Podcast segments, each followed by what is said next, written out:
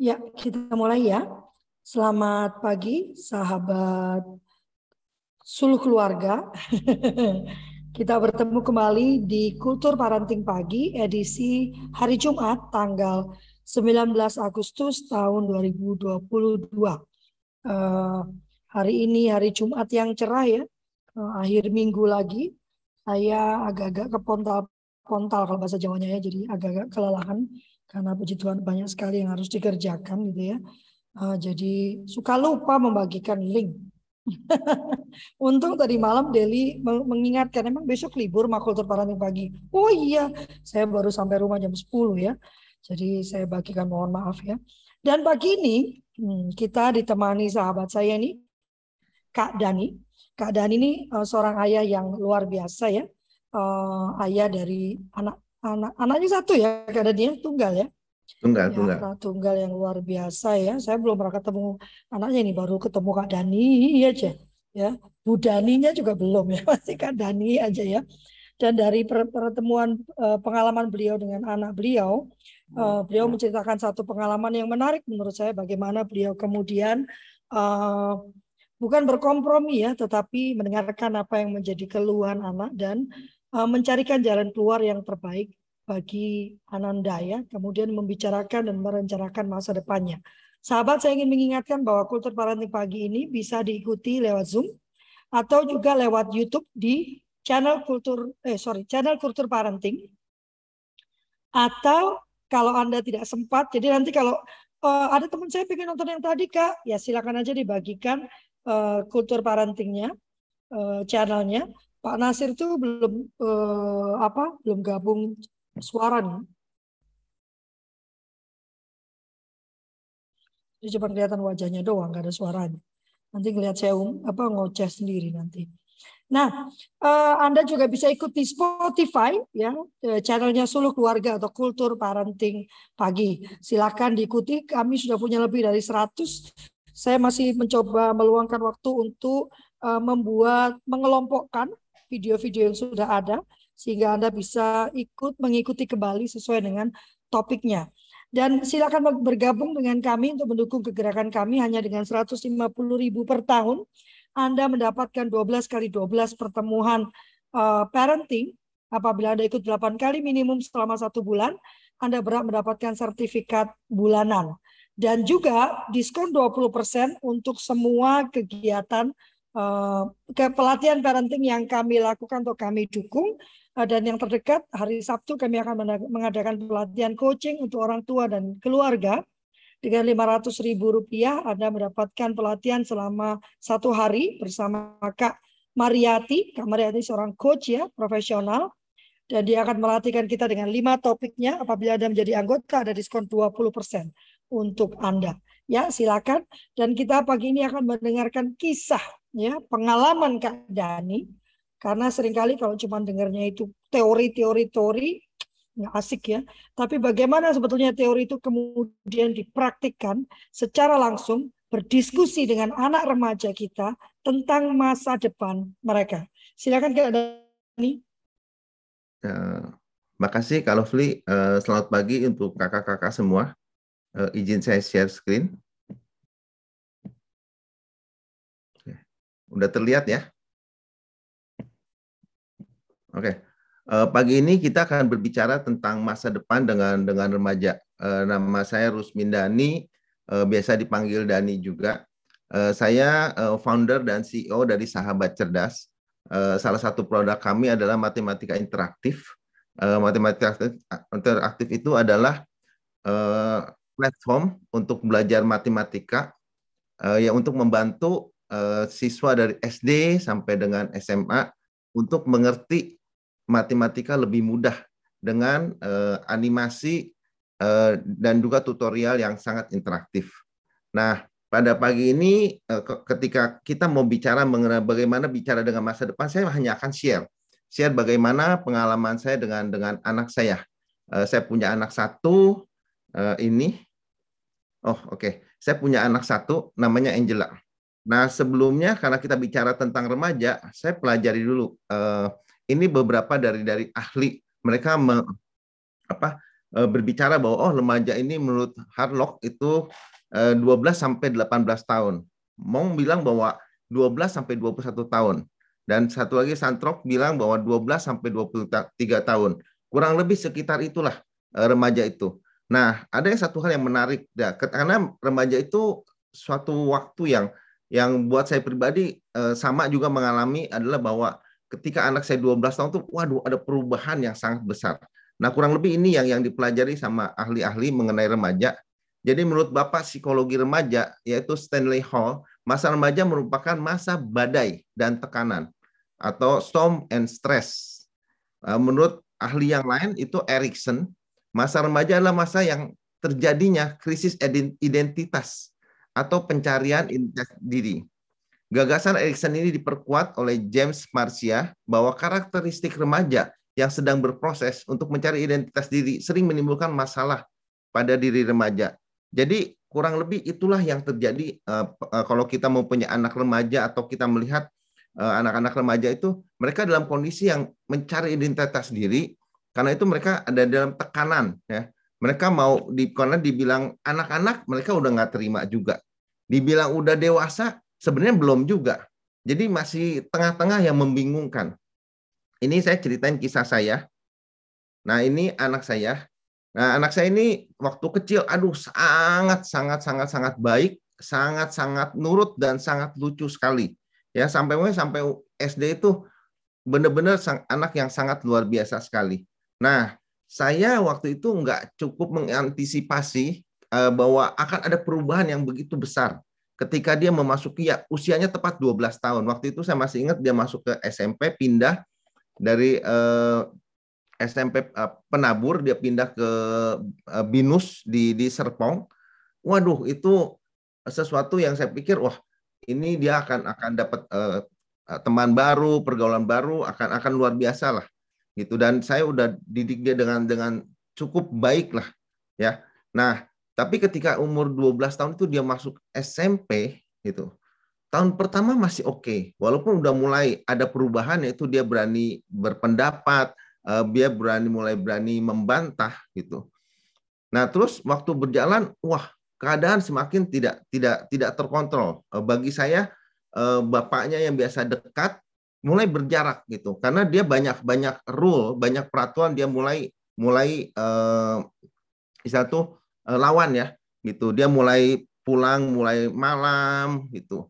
Dia mulai gaul dengan teman-temannya yang dan bahkan sampai pulang tuh bisa sampai ke pagi ke pagi hari gitu. Nah terus juga dia mulai uh, walaupun dia selalu terbuka ya, saya udah mengajarkan dia terbuka dan nilai ini dia pegang. Jadi kalau ditanya ya dia kan bilang oh lagi di bar, lagi di klub gitu. Saya saya secara pribadi uh, sangat stres gitu. Tapi waktu walaupun begitu uh, hubungan saya memang merenggang. Tapi saya selalu mau untuk untuk uh, menanamkan hal-hal yang yang terus positif di dalam di dalam dia. Dan saya bicara kalau ada kesempatan saya pasti bicara mengenai masa depan dia. Nah, nanti saya akan jelasin semuanya. Nah, lalu eh, pada waktu dia eh, SMP eh, masuk SMA kelas 10 lah ya. Kelas 10 semester 1 dia bilang dia nggak mau lanjutin lagi sekolah. Karena dia bilang dia ambil Science A atau IPA gitu. Sedangkan dia mau ambil jurusan itu fashion design gitu. Jadi nggak nyambung. Nanti mesti belajar biologi, kimia, fisika, sedangkan fashion design nggak ada urusan dengan itu. Setelah banyak komunikasi, akhirnya oke, okay, eh, kalau memang itu yang dia mau untuk untuk apa masa depan dia, oke, okay, saya saya uh, menyetujui. Akhirnya dia stop, dia ambil O level untuk supaya syarat. Akhirnya dia uh, pada 16 tahun itu dia masuk ke Lasal. Tiga tahun di Lasal dia uh, ambil apa? Uh, tiga tahun di sana dia lulus, ya, lulus di Lasal. Uh, setelah itu, uh, setelah lulus dari Lasal, 20 tahun dia gabung dengan Meridiana Group dia uh, bekerja sama dengan Meriliana buat satu uh, perusahaan namanya Inspira. Nanti saya akan jelaskan sedikit banyak juga. Dan terakhir ini ketika pandemi dia mulai bisnis uh, baking ya. Nah, itu kurang lebih begitu. Nah, ini yang terjadi ini Lasal yang tadi saya ceritakan. Uh, tiga tahun dia uh, kuliah di sana di Lasal ini ini ketika dia apa uh, akhir tugas akhirnya ini yang dia dia buat. Dia sampai ke waktu tugas akhir itu dia tampil di kayak fashion show gitu, bukan yang tampil dia ada ada apa modelnya, tapi hasil karya dia ditampilkan di semua hasil karya anak-anak klasal yang yang lulus. Nah, uniknya anak saya ini dia dia bisa, dia mampu. Karena dari seingat saya itu dari kalau nggak salah yang masuk angkatan dia itu ada hampir 30 anak, hanya 9 yang lulus. Yang yang lebih daripada itu mereka mundur mundur karena waduh tugasnya memang luar biasa eh, berat sekali ya tugasnya. Tapi saya bersyukur itu juga yang membuat saya kembali lagi punya hubungan dengan dengan Angel ini. Tugasnya berat sekali sampai akhirnya eh, tugasnya itu setiap hari bisa nggak tidur punya. Anak saya bisa cuma tidur 2-3 jam aja setiap hari ketika dia kuliah di Lasa. Karena itu begitu begitu uh, dia lulus dari Lasal, justru dia udah nggak mau di fashion design. Aduh, udah enak dia bilang. Nah ini oh banyak sekali. Bahkan waktu uh, di semester awal, ketika dia masih di tingkat baru masuk semester tiga lah, dia pun pada saat udah mau menyerah juga gitu. Dia men mau menyerah, aduh nggak mau lagi deh, udah udah nggak tahan. Secara secara ininya saya mau aja oh, untuk mengiyakan, tapi saya tahu ini berhubungan dengan masa depan dia. Nah ini kesempatan untuk untuk saya berdiskusi. Saya hanya bilang pada dia eh, bukan masalah bukan masalah eh, lasalnya, tapi masalah karakternya. Kalau kalau papa izinin kamu untuk untuk stop di lasal, kamu akan menjadi anak yang terus eh, ketika menghadapi masalah akan mundur, ada masalah mundur terus. Kamu harus beresin, harus beresin ini sampai tuntas yang namanya lasal ini dan uh, syukur akhirnya dia bisa bisa selesai lasal ini. Nah ini yang dia ber, uh, bekerja sama dengan uh, Meridiana itu melakukan namanya Inspira atau Inspira Class. Nah yang dilakukan adalah uh, anak saya akan menjadi uh, moderator ya. Mereka akan bikin talk show. Ini ini salah ini dari sedikit lah banyak yang di apa yang di interview atau di melakukan tanya jawab ini ini uh, yang salah satu ini dengan Aderai uh, juga pernah dengan Wulan Guritno uh, Rico Huang dia salah satu apa uh, dropshipper ya terus sama Bali Asmara juga desainer uh, nah ini dia lakukan ini gitu dia panggil terus uh, ketika dia lakukan talk show itu uh, ada audiensnya bikin undangannya bikin bikin acaranya marketingin undangannya gitu. Nah ini yang dilakukan, tapi nggak bertahan lama karena setelah itu eh, terjadi pandemi, akhirnya Inspira Kelas ini stop, gitu, nggak nggak nggak berjalan lagi.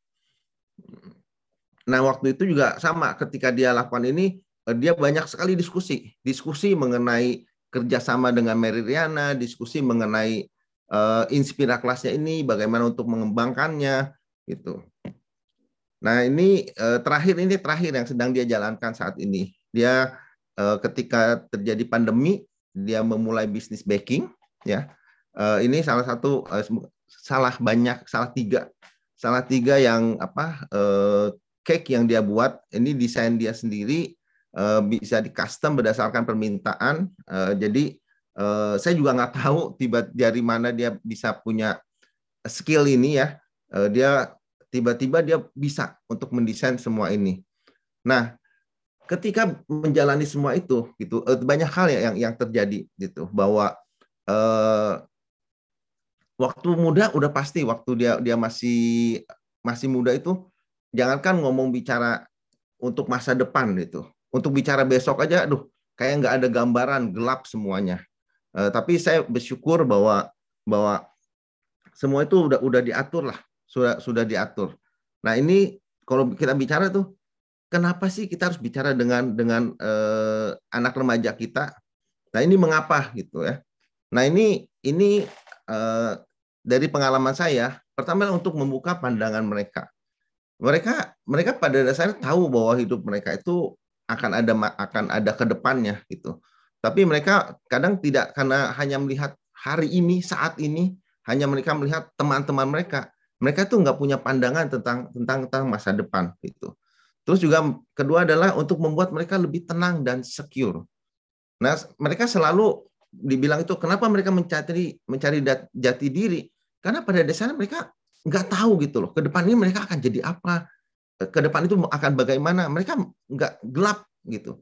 Dan itu yang membuat mereka tuh aduh terus-terusan kayak uh, kebingungan, stres gitu. Stres. Mereka lihat lihat temennya begini, mereka mau begini. Apalagi sekarang ada medsos ya. Oh lihat di medsos, wah jadi youtuber, mereka mau jadi youtuber. Lihat ini mau mau dan nggak ada nggak ada guidance, nggak ada nggak ada yang mereka bisa bisa pegang gitu. Nah juga kenapa kita bicara tentang tentang masa depan dengan mereka adalah berharap mereka dapat menemukan jati diri mereka pada saat pada masa depan mereka.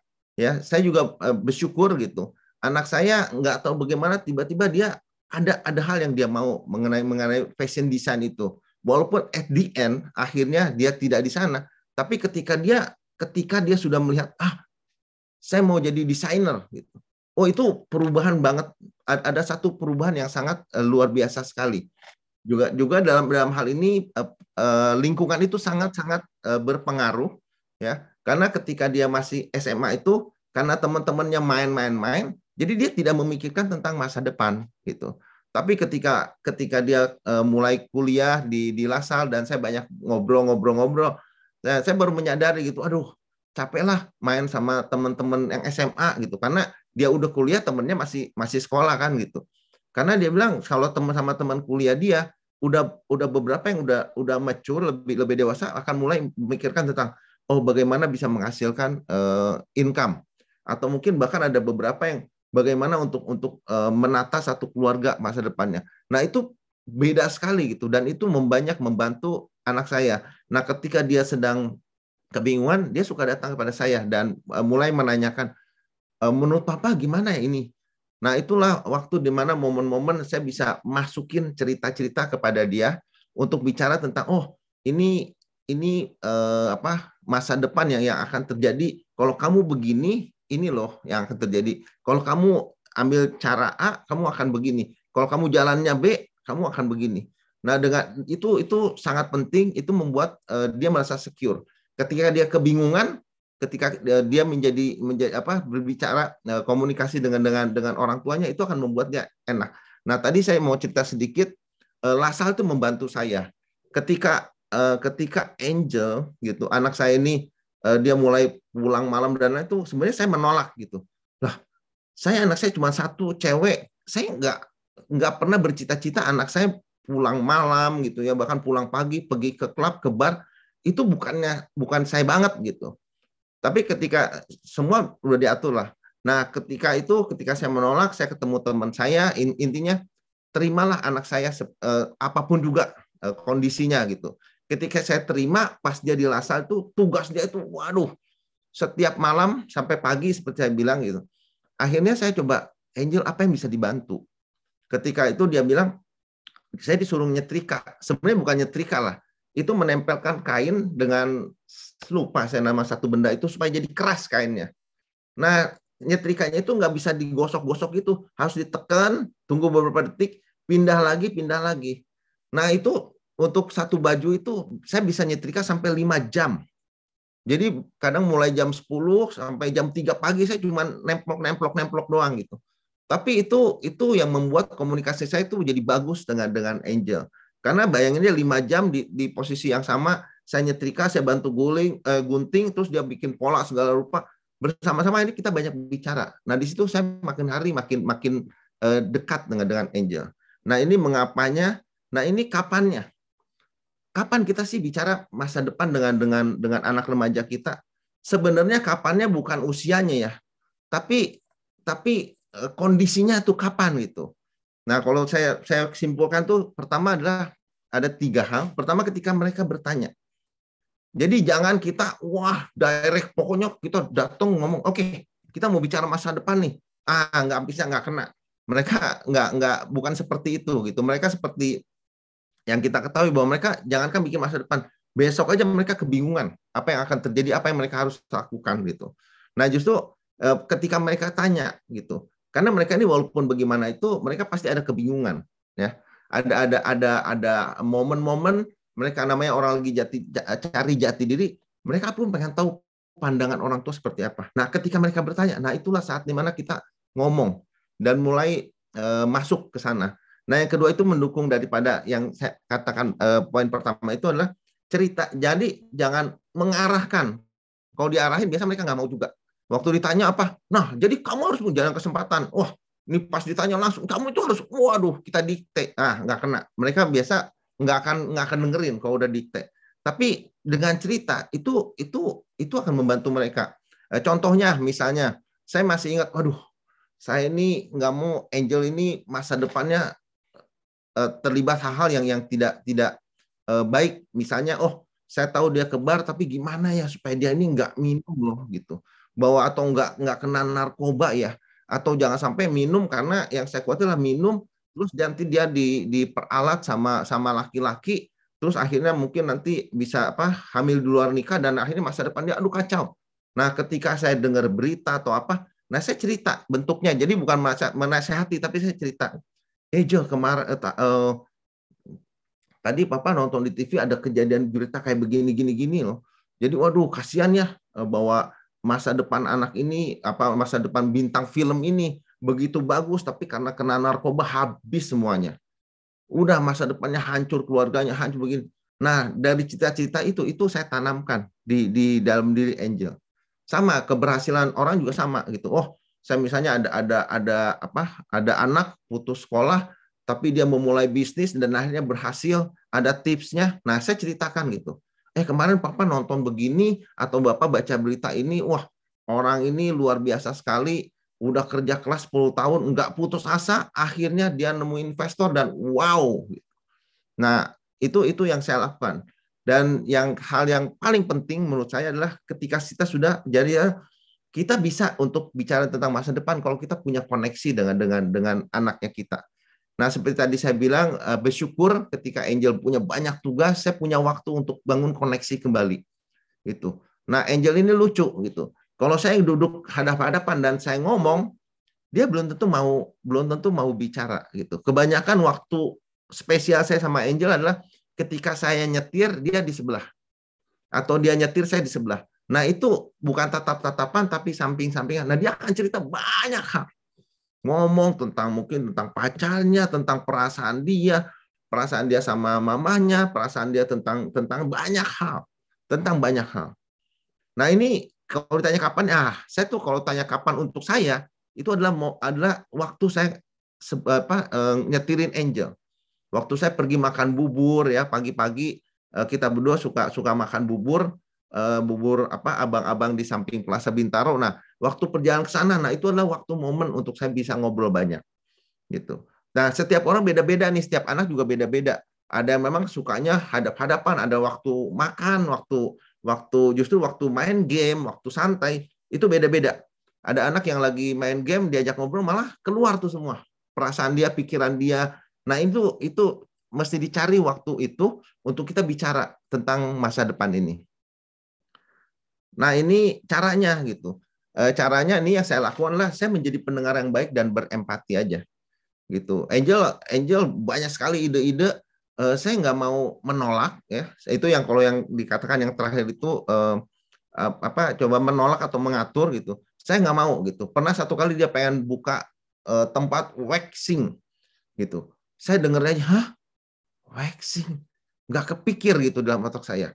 Terus wah sampai tapi saya coba untuk menjadi pendengar yang baik bahkan jadi saya support gitu oke kita pergi ke apa ke ke, eh, ke daerah Tangerang sana ya ke Karawaci masukin satu ruko ada tulisan disewakan kita telepon masukin datang terus gitu. Berusaha untuk untuk berempati dengan dengan apa. Walaupun saya coba jelasin juga angel coba dihitung lagi. Angel ini bergantung sama orang.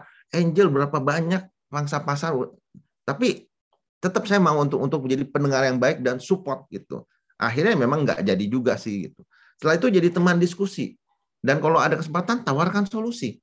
Itu juga akan akan membuat anak itu merasa e, nyaman ya bahwa ada ini kita ini jadi teman bukannya kita bukannya menjadi guru. Kalau kalau kata kalau itu kita bukan menjadi guru atau mentor tapi kita menjadi coach gitu. Kita menemani dia Nah, ketika dia e, minta untuk solusinya, nah kita tawarkan solusi itu baru kita menjadi mentor untuk untuk anak kita. Juga jangan negatif, jangan merendahkan dan jangan ngatur. Jangan dia ada ide ini, no, wah itu nggak bisa. E, papa atau mama udah udah udah tahu itu hasilnya begini gini gini gini gini. Enggak enggak enggak. Atau jangan merendahkan, waduh kamu ini nggak ada pengalaman apa-apa. Nggak bisa lah. Kamu masa depan kamu akan hancur kalau kamu lakukan hal itu. gitu. Atau coba ngatur, nggak boleh, kamu harus begini. Nah, untuk remaja nggak seperti itu.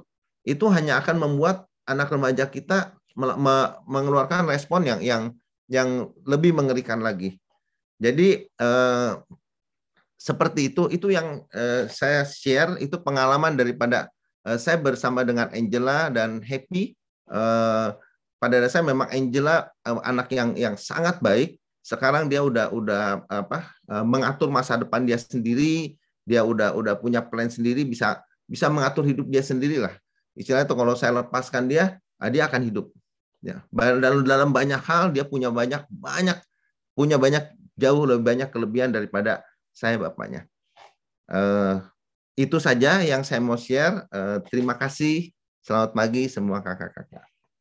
Ya, saya suka itu yang kata-katanya. Bukan masalah usianya, tapi bicara tentang kedekatan kita. Jadi kapan bicara setelah kedekatan terbentuk. Kalau biasanya cuek, tahu-tahu sibuk nanya, ya kesannya seperti diinterogasi interogasi ya. Ini ada pertanyaan dari dokter Ika nih. Usia 14 dihitung remaja belum ya? Kebetulan mau memilih SMA dan apa yang ada di bayangan saya nggak sama dengan anak saya. Silakan Kak Dani. Iya, udah pasti 14 uh, eh, itu di dalam masa remaja. Nah, um, pasti semua saya selalu berpikir karena saya juga sama gitu. Pasti uh, saya ada keinginan lah. Saya ada keinginan untuk untuk anak saya menjadi seperti apa gitu. Uh, cuman anak sendiri juga punya juga gitu, punya keinginan dia sendiri. Nah kalau saya apa yang saya lakukan adalah saya coba berdiskusi ya de dengan dia, tanya dulu kenapanya, kenapa dia mau pilih ini gitu. Kalau kita merasa, aduh kayaknya yang pilihan kita lebih tepat misalnya gitu. Nah kita coba berdiskusi. Tapi at the end kalau saya merasa ini hidupnya mereka, mereka yang putuskan. Kita bisa mengarahkan, kita bisa menuntun mereka gitu. Tapi kecuali kalau uh, kembali lagi ada namanya uh, uh, healthy authority. Maksudnya kebebasan yang yang uh, kita berikan kebebasan tapi bertanggung jawab gitu. Istilah tuh jadi kita tahu oh ini memang tapi juga ada namanya boundaries jadi kalau itu hal itu negatif ya kita udah pasti no gitu ya. Tapi kalau itu itu suatu pilihan yang nggak sepenuhnya loh kita itu apa eh, kalau ikut kita pasti akan benar atau ikut dia pasti akan salah. Saya lebih cenderung adalah berikan dia kebebasan untuk menentukan masa depan dia. Karena itu hidup yang akan dijalani kita punya hidup kita yang kita jalani juga. Menurut saya begitu sih kalau Iya, memang uh, apalagi ini ya, kalau cara usia kita udah banyak ya, bayangan kita sama bayangan anak itu jauh berbeda. Tapi kalau saya mendengar ceritanya si Angie, si Angel ya, nggak heran lah itu bapaknya banget. Hampir seperti mendengar kisah bapaknya. Anaknya cuma satu. Apa? Anaknya cuma satu. Iya makanya enggak, maksudnya kalau dengerin cerita si anak-anaknya Kak Dani itu, itu seperti mendengar Kak Dani bercerita tentang Kak Dani sendiri. Langkah-langkahnya luar biasa loh.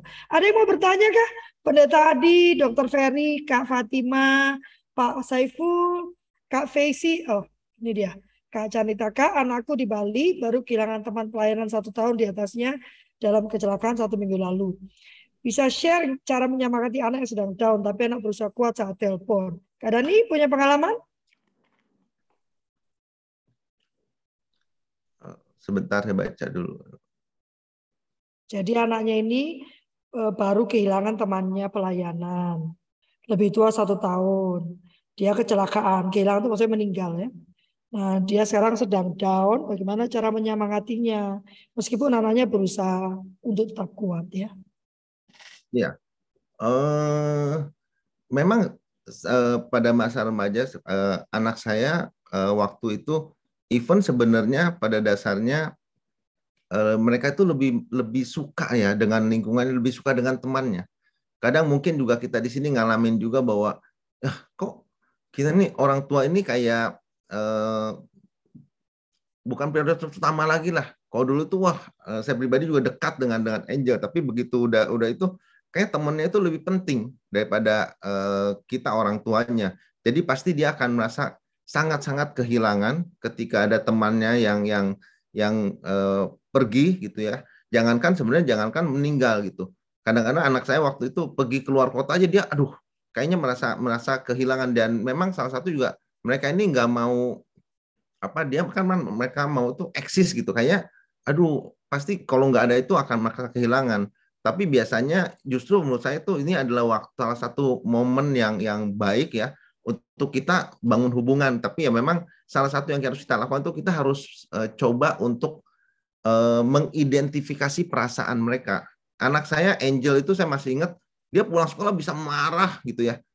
Terus saya bingung, kok pulang marah-marah? Ada waktu di mana saya marahin dia juga gitu. Tapi ketika saya baru sadar bahwa kita harus mengidentifikasi gitu akhirnya saya belajar ketika saya waktu ditanya banyak sekali ternyata perasaan yang keluarnya itu marah ya atau sedih doang gitu.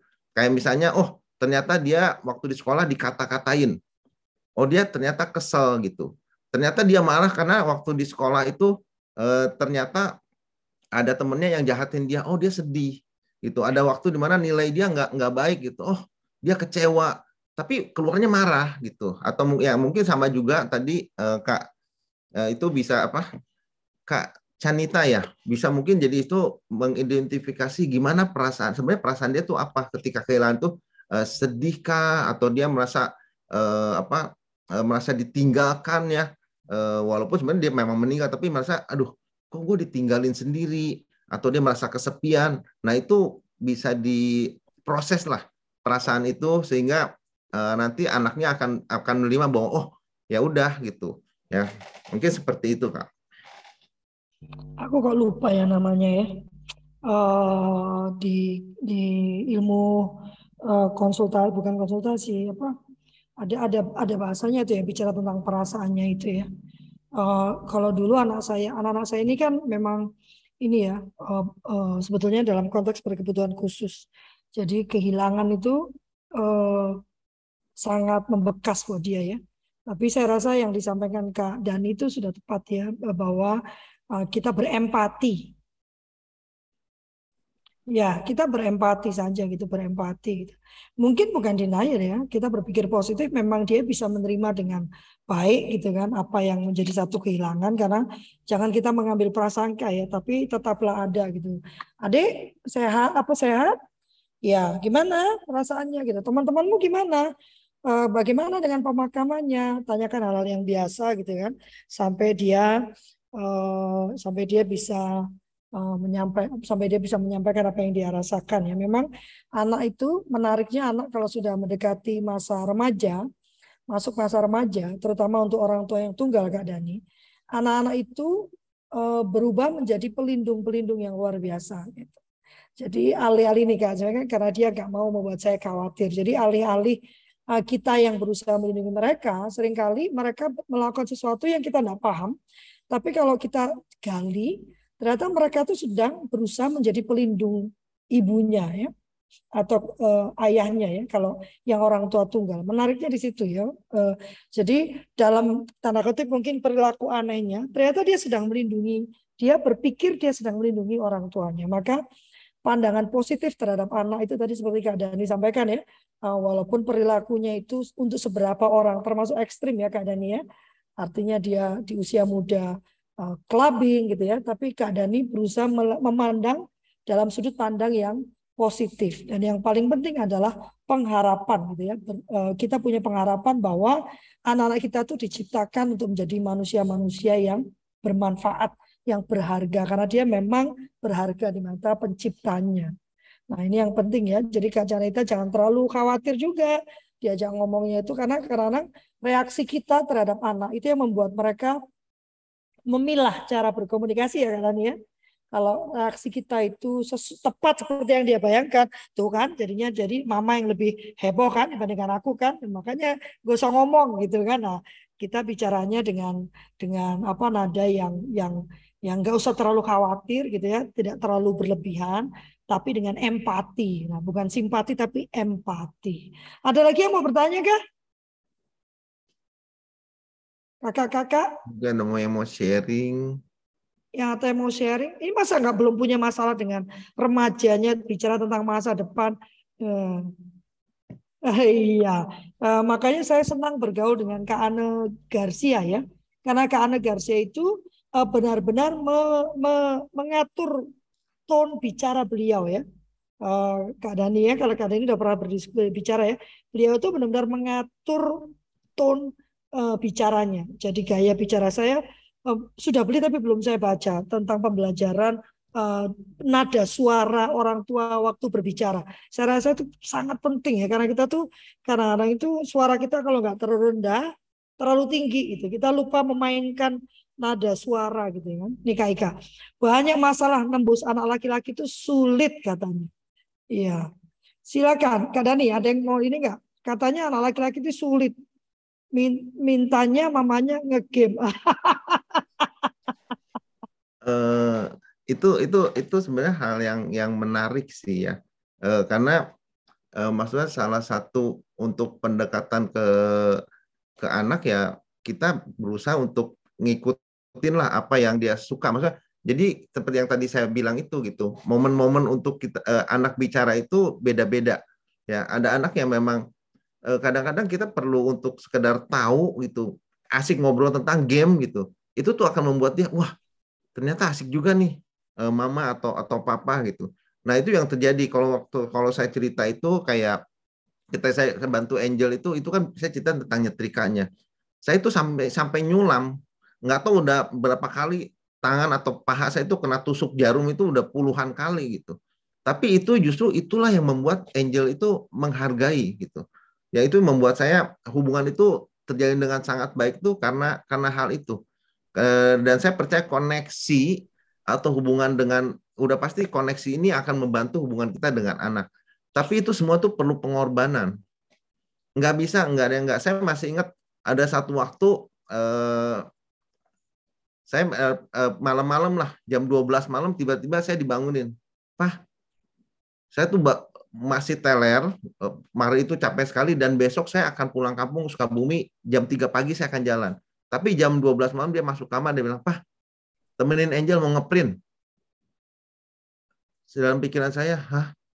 Ngeprint?" Memang saya tahu tugasnya kan mesti kumpul pagi ya gitu. Kalau ikutin saya pasti, aduh ya besok aja atau aduh kamu urus sendiri atau gimana deh gitu. Tapi saya tahu itu momen yang sangat akan sangat uh, spesial momen yang nggak akan Angel lupakan yang membuat kondisi saya akan baik. Akhirnya oke, okay, oke, okay, kita jalan ke Revo, ngantri di sana ya, jam satu pagi ngeprint. Akhirnya saya nggak tidur, saya langsung beres pulang dari sana, saya langsung uh, pulang ke kampung gitu ya.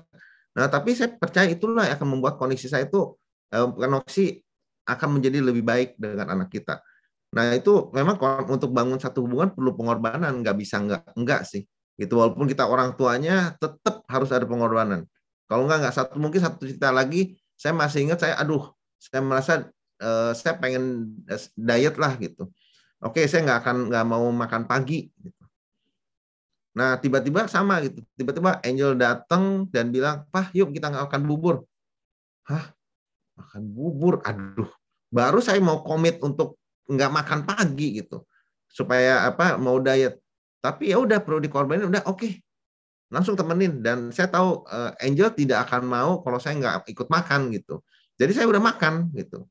Jadi ya apa pun juga pokoknya saya untuk bangun hubungan saya dengan Angel saya uh, harus dilakukan lah.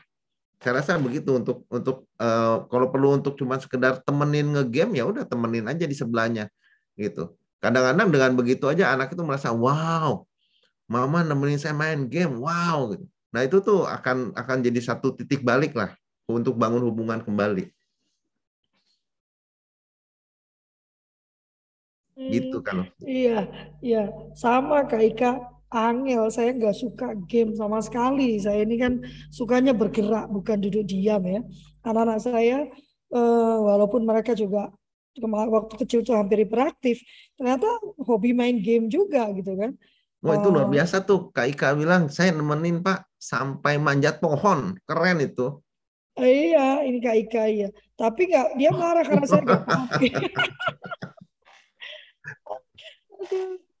Kalau itu iya. ekspektasinya udah mulai terlalu tinggi anaknya. Iya, mungkin aja ngomong, ya makanya jelasin dong, nah, mama kan kuno gitu kali ya.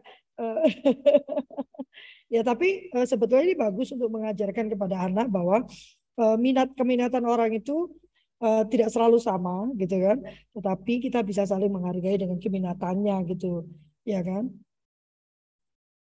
Kok tetap aja. Jadi gini Kak Ika, cara berbicara tadi seperti Kak Rusmin tadi tadi menyampaikan ya, ada satu kata tadi Kak Dani yang bilang bahwa ternyata Angel itu sangat terbuka waktu bukan face to face ya Kak Dani ya.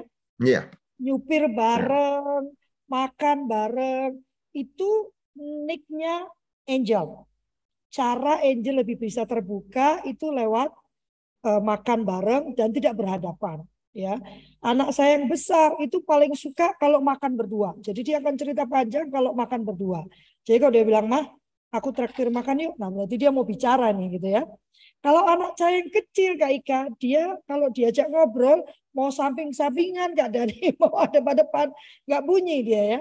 Tapi dia akan lebih nyaman kalau kita lewat WhatsApp. Nah silakan dicari cara. Ya dicari cara untuk anak bisa berkomunikasi ya. Jadi cari cara supaya dia bisa berkomunikasi. Mungkin lewat bahasa gambar ya. Bisa juga kan saling bertukar gambar dari situ kita bisa tahu. Memang jadi orang tua itu ribet ya, e, harus kreatif dan harus benar-benar mengenal anak kita ya. Kemarin kita bicara tentang minat dan bakat ya kan. Eh, konklusinya cuma satu ya waktu Kak Dania waktu kita diskusi berempat ya berempat atau berlima ya gitu ya tentang minat dan bakat konklusinya satu sebetulnya. Ya kita harus mengenal anak-anak kita. Oh Kak ya waktu itu bicara tentang uh, parenting positif ya. Nah itu dia bicara uh, kuncinya adalah tetap mengenal anak kita. Jadi kita tahu bagaimana kondisi anak kita, bagaimana cara berbicara, mana yang dia tidak kita sukai. Ya memang relationship itu memang harus begitu sama suami juga gitu ya Kak Dani ya. Sama ya, istri juga begitu kan? Iya. Mungkin saya mau ada yang saya mau share gitu. Kadang-kadang eh, orang tua itu eh, atau bukan orang tua maksud cara kita buka komunikasi kan biasa tuh kita, kita bertanya gitu. Eh, gimana udah makan belum? Eh, gimana gimana gitu kita nanya itu oh, gimana di sekolah gimana itu ternyata nggak terlalu efektif juga secara itu karena ada satu kali gitu sama eh, kan kita ngadapin sama-sama eh, Angel ini gitu. Nah jadi istri saya itu eh, begitu gitu dia coba untuk ayo kita ngopi yuk nongkrong nongkrong gitu. Udah gitu dia nanya gitu, eh gimana sekolah gimana nanya-nanya. Akhirnya Angelnya nggak tahan dia ngomong gitu, Mama nanya-nanya terus tentang Angel gitu. Mama sendiri nggak pernah cerita tentang keadaan Mama. Gimana perasaan Mama sekarang? Gimana hidup Mama sekarang? Cuma nanya-nanya terus. Wah, gitu. Itu itu mem, apa memukul juga gitu ya. Eh, sampai akhirnya oke, okay, ternyata Angel juga pengen tahu juga keadaan kita. Dan dia mau kita cerita gitu loh. Gimana perasaan kita, keadaan kita. Nah, mungkin bisa juga begitu gitu bahwa kita ya, uh, kita pikir komunikasi itu kalau kita bertanya dia jawab itu komunikasi. Buat mereka, mereka juga pengen tahu keadaan kita, apa yang kita alami hari-hari, apa yang kita rasakan. Nah itu akhirnya membantu, waktu itu membantu hubungan Angel sama istri saya menjadi menjadi baik. Sekarang udah sangat baik. Gitu. Bisa begitu juga. Hmm. Memang kerja keras setiap hari ya Kak Dani ya. Iya. Kerja keras setiap hari. Ada lagi yang mau bertanya kah? Kak Ika? Oke. Okay. Kak Isti, Kak Feisi, wah ini masih terus masuk ya. Itu Kak Deli terus membagikan absen, tolong diisi ya. Di dalamnya ada ada judul yang harus uh, topik untuk diusulkan. Uh, hari ini uh, semoga saya tidak terpanggan lagi ya. Uh, saya akan membagikan uh, apa boleh dong Kak Fatima boleh sharing. Silakan Kak Fatima. Mau sharing langsung atau mau di chat?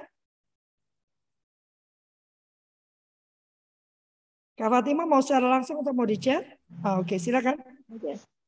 Uh, eh, kalau saya ini pengalaman menghadapi uh, masa ini pancaroba istilahnya ya kalau saya mengatakannya seperti itu ketika uh, dari anak-anak ke ke remaja itu ternyata setiap anak memang melaluinya melaluinya berbeda-beda. Jadi uh, ketika anak kedua dengan ketiga itu sangat ini sangat berbeda.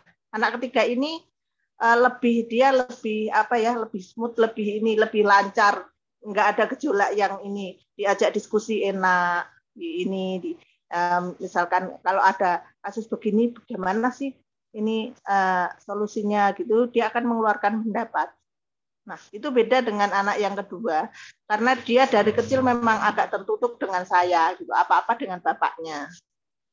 Nah, ternyata anak kedua ini mengalami gejolak yang ini, yang sangat luar biasa gitu dan saya tidak siap, terus terang saya tidak siap. Akhirnya saya emosi gitu ya. Eh, dan harusnya memang ya itu kekeliruan saya gitu. Nah, Padahal saya waktu itu sudah berusaha, dia kesukaannya apa sudah saya ikuti, saya diskusikan. Dia kalau saya ajak diskusi cuma iya iya iya seperti nurut gitu ya. Tapi sebetulnya dia berontak. Dan itu ya kesulitan saya paling sulit itu ya menghadapi anak kedua itu. E, karena saya kurang apa ya? Istilahnya kurang peka menghadapi dia itu. E, karena dia tertutup. Akhirnya e, ada solusinya. Jadi anak kedua itu sering saya belikan diary. Kadang dia suka nulis-nulis itu di kertas-kertas itu. Eh, saya belikan diary, udah kamu nulis saja. Apa yang kamu rasakan tulis saja. Gitu. Uh, kamu tidak perlu ini sharing di medsos. Alih-alih nanti kamu uh, dapat simpati dari orang, justru kamu bisa-bisa malah dibully. Itu nanti bikin kamu tertekan. Kamu boleh pilih diary apa pun yang kamu suka nanti nanti ke pokoknya kalau ibu bisa belikan ya dibelikan. Nah akhirnya media itu yang uh, saya pakai karena ternyata uh, pernah tidak sengaja saya baca sekilas gitu. Uh, memang ini dia perubahannya ke masa remaja itu menghadapi uh, kesulitan yang besar mungkin karena dia kemungkinan ini ya saya saya belum pernah ke ini ke tumbuh kembang dia dulu waktu kecil mengalami ini apa speech delay Kemudian kemungkinan dia juga disleksia ringan karena dalam menggunakan kata-kata itu dia sering ini terbulak-balik gitu.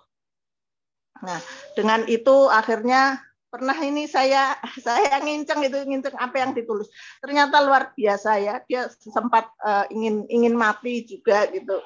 Kenapa sih saya nggak mati saja? Kemudian ini yang bikin terharu itu ternyata ini dia itu pun sebetulnya bingung. Bingung dengan dirinya sendiri. Kenapa sih saya berbuat begini? Kenapa saya kok kok jadi begini? Gitu ditulis. Nah gitu. Nah akhirnya eh, seperti Kak Lovely bilang ya eh, orang tua pun eh, ini perlu minta maaf dengan anak. Akhirnya saya minta maaf. Maafkan ibu tidak tahu ya ya ibu tidak tahu, ibu tidak mengerti ilmu parenting yang benar gitu. Oke, nah akhirnya ya itu solusinya saya minta maaf, saya bilang dan sekarang hubungan kami sangat baik, komunikasi kami sangat lancar. Terima kasih. Luar biasa. Luar biasa Terima kasih, sampai Kak ini. Fatima untuk sharingnya. Aduh, ini ada beberapa teman dari Banteng. Selamat datang, selamat bergabung. Tadi sebetulnya ada Teh Yanti loh, dia kelempar atau sudah ada acara dia? Iya, saya lihat ada Teh Yanti. Iya, tahu-tahu nggak ada lagi. Selamat bergabung Bu Marwa. Ada tadi Pak Nasir. Pak Nasir ini Pak Nasir nggak gabung sama ini lagi, nggak join sound lagi. Selamat bergabung Ibu Marwa, terima kasih. Semoga bermanfaat acara kita pagi ini. Silakan Kak Dani dikomentarin tuh tadi. Kita masih punya waktu lima menit. Oh, Sekalian ini ya, ya. closing ya. Uh, betul itu uh, luar biasa sekali. Saya juga uh, bahwa kita orang tua itu bukannya Superman yang nggak pernah salah gitu. Uh, saya juga saya juga sangat setuju dan uh, pastilah pasti saya sebagai bapak uh, pasti mesti pasti lakukan kesalahan dan saya juga uh, minta maaf juga ke Angel. Jadi saya rasa apa yang di uh, tadi di share sama ibu apa sama Kak Fatima itu luar biasa sekali bahwa mau mau rendah hati meminta maaf uh, karena ketidaktahuan itu itu pasti akan sangat membantu. Kata namanya maaf, uh, terima kasih itu itu kata-kata yang harusnya uh, keluar dari dari apa uh, di pada diri kita setiap harinya. Uh, jadi uh, kalau saya boleh untuk uh, apa men, uh, menyimpulkan apa yang tadi saya share mengenai uh, berbicara tentang masa depan uh, kepada anak remaja adalah uh, kita harus bicara pada dasarnya ya. Cuman memang harus waktu yang yang tepat gitu. Nah, cari momen yang yang bagus, yang baik, kita bangun koneksinya dulu, uh, terus cari cari waktu yang tepat untuk bicara tentang uh, tentang masa depan mereka. Dan juga uh, yang kita mesti ingat, kita harus punya empati, kita support, uh, jangan jangan menjadi orang yang yang apa negatif atau bahkan merendahkan atau bahkan menolak dan coba untuk mengatur tentang tentang uh, mengatur dan masukkan pikiran kita ke dalam kehidupan mereka. Karena sebenarnya eh, dengan dengan kita bicara tentang masa depan ini, kalau mereka nih, mereka kan sedang masa galau gitu. Kalau mereka bisa melihat dan mengerti eh, masa depan mereka seperti apa, itu justru akan mempercepat kegalauan itu. Mereka udah akan tahu apa yang mereka akan tuju dan hidup mereka akan lebih mudah. Dan itu yang membuat mereka juga lebih happy, nggak perlu di dalam eh, stres dan badai seperti yang uh, para ilmuwan itu katakan. Uh, jadi uh, terima kasih untuk semuanya. Wow, ya. Dulu saya pernah baca satu buku Kak Dani. Uh, saya lupa ya. Jadi uh, mereka menyarankan membuat satu kotak gitu kan. Namanya um, uh, apa? Kotak perasaan. Nah. Dulu saya melakukan sih kotak perasaan itu. Jadi anak-anak menuliskan. Tapi kalau waktu dulu saya pakai untuk kebiasaan menulis, memaksa mereka menulis gitu ya.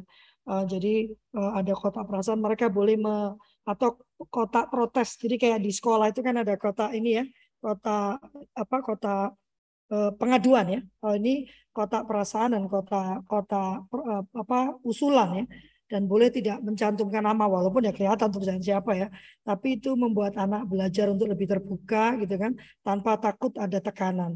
Dan kalau itu lebih lancar berarti ya eh, kita mesti mengintrospeksi diri sendiri. Mungkin reaksi kita respon kita terhadap apa yang anak sampaikan itu eh, kadang-kadang itu berlebihan sehingga mereka tidak tertarik untuk uh, apa tidak berminat untuk ber, menyampaikannya lagi. Ya, terima kasih Kak Dani. Kita mau berfoto bersama teman-teman. Silakan dibuka uh, kameranya ya. Hai Dokter Ferry. Ya, dan kita berikan hati kita sambil saya menutup pagi Pak Madiman. Ya, sambil saya menutup pagi Pak Adi. Banyak bapak-bapak pagi ini ya. Pagi Pak Bu Isti. Ya, saya mengucapkan terima kasih atas kehadiran teman-teman. Terima kasih Kak Dani. Uh, minggu depan kita akan bertemu lagi. Sebentar, saya cek ya. Saya itu memang sudah pelupa ya. Kak Amir Zudi. Membuat... Kak Amir. Hah? Dengan Kak Amir. Siapa? Oh, dengan Dr. Amir Zudi ya. Jadi kita akan masuk ke neuroscience lagi dengan Dr. Amir Zudi uh, dan beberapa pembicara lainnya karena seminggu ada tiga kali ya, Senin, Rabu, Jumat dan mulai hari ini saya akan bagikan uh, survei untuk mengetahui tentang jam karena banyak yang mengeluhkan sekarang jam anak-anak sudah masuk sekolah sehingga jam 7 pagi itu masa yang sangat sibuk ya. Nanti kita akan survei lagi. Terima kasih banyak dan bagi yang belum mendaftar untuk acara besok masih ada waktu silakan mendaftar 500 ribu rupiah untuk menjadi coach bagi anak dan murid Anda. Ya, ada diskon 20% kalau Anda mendaftar. Ya, terima kasih banyak. Saya juga atas nama kami berlima, saya memohon maaf yang sebesar-besarnya apabila ada pernyataan, perkataan atau sikap yang kurang berkenan. Kami tidak ingin memojokkan, tidak ingin eh, merendahkan, tidak ingin menghakimi, tidak juga ingin menggurui, kami hanya ingin membagikan apa yang menjadi keyakinan kami dan yang kami usahakan kerjakan dalam kehidupan kami sehari-hari. Terima kasih banyak. Wassalamualaikum warahmatullahi wabarakatuh. Selamat berakhir pekan. Tuhan memberkati. Terima kasih. Dokter Ferry itu Kak Irwan lagi nggak enak badan katanya. Lagi sakit ya. Terima kasih Pak Adi, Pastor Adi. Oh ini suaminya Pastor Adi. Ay, lupa saya. Selamat terima selamat pagi Pendeta. Salam buat Pendeta Adi. terima kasih Pendeta Amin. Ya, saya pamit ya. Selamat berkati.